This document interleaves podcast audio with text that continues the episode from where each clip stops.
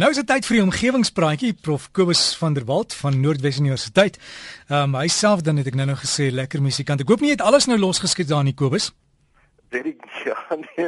Môre môre al ons omgewingsvriende. Ja nee, dis lekker die musiek waarop ons groot geword het ons jeug. Dat ons ouers ons so teen gewaarsku het en so. Destyds was alles wat dit gevoel of alles wat lekker is verkeerd is, jy weet, maar uh, nou ja. Uh, lekker musiek wat ou se tone laat jeuk bly dan altyd lekker. Nou ja, omgewingsvriende, heerlike dag hier in Potchefstroom en uh ons studente het die afgelope week verskriklik hard gewerk, deurnag gewerk aan vlotte en uh, vanoggend gaan die vlot optogte gebeur en ek weet reg oor die land gebeur dit en Joel staan natuurlik vir jou onbaatsigtige opoffering vir liefdadigheid. En Derrick het nou nou vertel van die dame wat nou haar woonstel moet opgee vandag omdat die ekonomie begin druk en so aan. Ek dink dit is tog dalk 'n goeie idee as as ons omgewingsvriende wat nou in die stede is langs die paaie gaan sit om te kyk na die vlotte. Uh vat maar die beursie saam en moenie bang wees om die hand diep in die sak te steek nie. Want die van ons wat het, uh moet die van ons wat swaar kry help in hierdie moeilike omstandighede anderster gaan ons nie uh die pyp rook in in in hierdie moeilike ekonomiese omstandighede nie. Ek nou nou oor die nuus gehoor Derek dat die petrolprys en die dieselprys gaan alweer beduidend op ja, die goeders druk en dit knyp en so aan. So kom ons help mekaar waar ons kan en elke ou doen maar sy bes. Nou ja, terug by die omgewing. Ek het 'n brief gekry van meneer Wynand Tron uit Durban wil. En hy sê ek moet hom asseblief verskoon as sy vraag 'n regte domkop vraag is.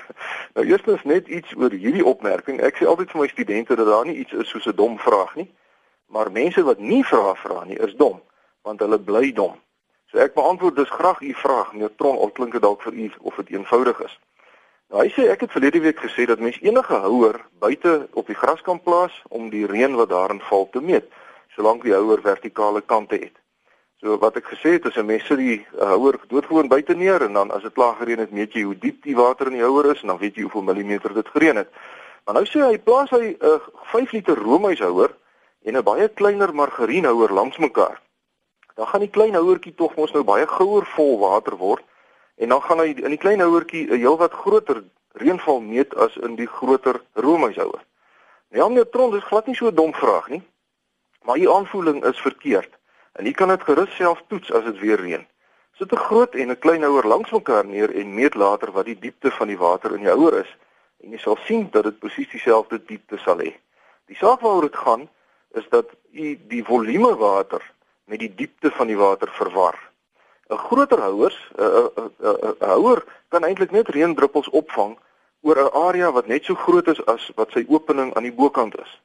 Net die druppels wat deur die opening van enige houer val sal binne in die houer beland. Nou as ons nou kyk na die groter houer, 'n 5 liter roomhuishouer en sê net maar 'n 500 gram margarienbakkie, dan is die roomhuisbak se opening aan die bokant waardeur die reendruppels nou in die houer kan beland baie groter as die bokant van die margarienbakkie en daarom sal daar proporsioneel meer water in die roomhuisbak opgevang word as in die margarienbakkie.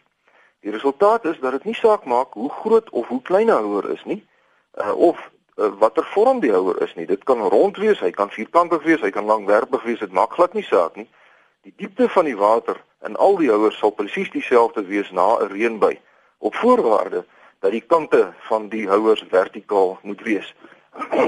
Baie dankie meneer Wynand Tron van Durbanville. Dan omgewingsvriende het meneer Charles Beeks van Randendal gevra wat die gewig is van al die groot hoeveelhede water wat tydens so 'n enkele donderstorm op die aarde val. Nou, u sal moontlik onthou dat ek verlede week bereken het dat daar tydens 'n enkele donderstorm in die orde van so 500 miljoen liter water hier op Potchefstroom geval het en die sommetjie is maklik, 'n liter water weeg 'n kilogram. Dus het die uh, water 500 miljoen kilogram of dan 'n half miljoen ton geweg. Die tweede deel van meneer Biek se vraag is hoe al daardie water dan nou in die lug bly voordat dit reën. Dis dan hierdie verskriklike gewig. Dit kan tog nie alles waterdamp wees wat rondsweef en dan eensklaps in waterdruppels verander net voordat dit op die grond val nie. Meneer Nico van Wyk van Sedgefield en ook meneer Henry Fivers het presies dieselfde vraag vir my gevra.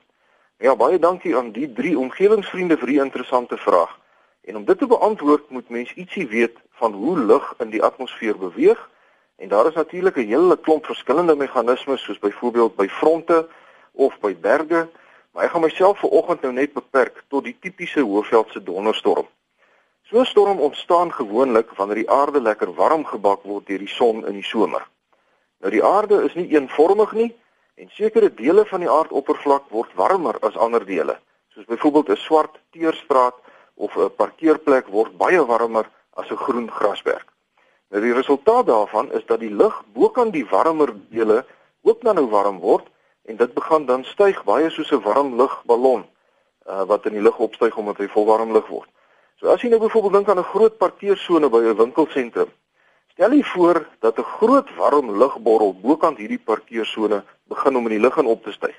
En as die lugborrel begin styg, dan vloei daar lug van die kante af in en hierdie lug word dan ook warm gebak deur die teeroppervlak en dit begin ook styg.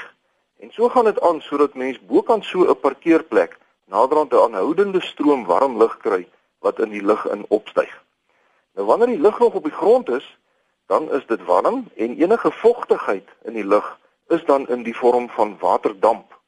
Maar soos wat die lugstroom nou in die lug in opstyg, koel dit af tot op 'n punt waar die waterdamp kondenseer en dan fyn druppeltjies vorm. Ons sien hierdie punt van kondensasie as die onderkant van wolke, die plat wolkbasis. Dis die plek waar die waterdamp dan nou in druppels verander. Nou as die water kondenseer, dan stel dit 'n groot klomp energie vry wat latente warmte genoem word. Nou wat is latente warmte? As u nou byvoorbeeld dink aan 'n liter water in u ketel. As u daardie liter water alles wil verander in stoom, dan moet u die ketel lank kook. So u moet baie energie byvoeg sodat die water alles kan verdamp. Nou as die water dan weer terug verander sodat uh, dit nou van stoom af weer water word, vloeibare water, dan sal al daardie energie wat nodig was om die water aanvanklik te verdamp, weer vrygestel word. En dis presies wat by die wolkbasis gebeur. As die water dan daar kondenseer, dan maak die vrystelling van hierdie latente warmte die opwaartse lugstroom heelwat warmer, sodat die lugstroom se spoed dan nou verder toeneem.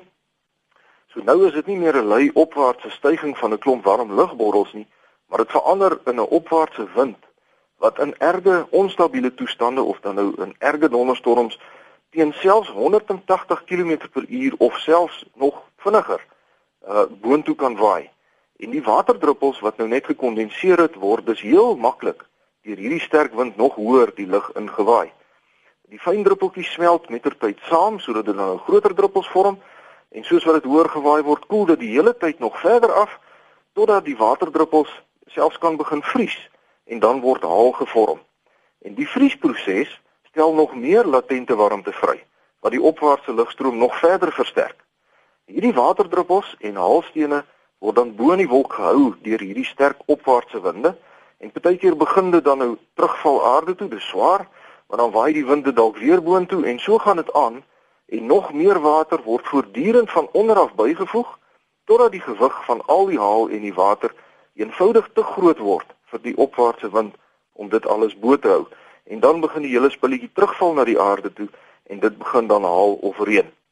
As mens in gedagte hou dat 'n tipiese donderstorm maklik 'n half miljoen ton water kan bevat, wat alles deur opwaartse winde bo gehou word, dan kan mens verstaan waarom vliegtye altyd 'n wye draai rondom so 'n donderstorm vlieg. Want net soos daar opwaartse winde is, is daar ook sterk afwaartse winde in donderstorms. En hierdie winde is langs mekaar. Die een plek is waai dit nog boontoe en dan net 'n paar tree verder waai dit ondertoe. En hierdie winde kan 'n vliegtyg se vlerke sommer maklik heeltemal afskeer as 'n mens daarin sou beland. Die mens is voorwaar, maar nietig as ons voor die kragte van die skepping te staan kom, want ek het nou net 'n enkele donderstorm bespreek. 'n Mens kry hier op die hoofveld wat genoem word superselle wat eintlik 'n hele provinsie so groot soos die Vrystaat dan nou uh, onder 'n donderstorm kan wees of dan kry mens ook lyn donderstorms wat 'n klomp van hierdie selle half aan mekaar gelas word en so as 'n as 'n lyn oorkom oor sê nou maar die hele Vrystaat of die hele Transvaal. So baie dankie meneer Rubix, Fivers en van Wyk vir u interessante vraag. En dan Derek wil ek graag afsluit vir oggend. Uh ten slotte wil ek ons omgewingsvriende inlig dat die hoof van elektriese, elektroniese en rekenaar-ingenieurswese hier by die PIK, professor Jan de Kok, hy was so gaaf om wetenskaplik gefundeerde tabelle te begin opstel oor die energieverbruik van huishoudelike toestelle. Ek kry baie briewe van omgewingsvriende af wat nou vra, ehm um, jy weet byvoorbeeld yskaste, moet hulle 'n ou yskas regmaak of moet hulle eerder 'n nuwe een koop? 'n Nuwe een is tog baie meer energie-effektief. Of dan uh liggies, hierdie hierdie gloeilampe, is dit nou regtig nie moeite werd om energiebesparende gloeilampe in te sit? Nou die eerste inligting of oor dit die moeite werd is om energiebesparende gloeilampies te installeer, is reeds gereed. En omgewingsvriende wat daarna wil kyk, kan maar net die woorde NWU, dis Noordwes Universiteit NWU, Energy Saving at Home uh, kan u op 'n soek engine intik en u sal dan by die spesifieke tabel kom. Dis NWU Northwest University Energy Saving at Home. Professor De Kok beoog om hierdie webbladsy mettertyd uit te brei om alle huishoudelike toestelle in te sluit. En ek sê graag baie dankie vir ons elektriese ingenieurs hier by die PIK vir hulle bydrae om ons lewenswyse ook meer omgewingsvriendelik te maak. Net daarmee sluit ek af. Ons omgewingsvriende kan gerus vir my skryf. My rekenaaradres is kobus.vanderwalt@nwu.ac.za of u kan my kry by die fakulteit Natuurwetenskappe, Noordwes Universiteit, Potchefstroom 2520.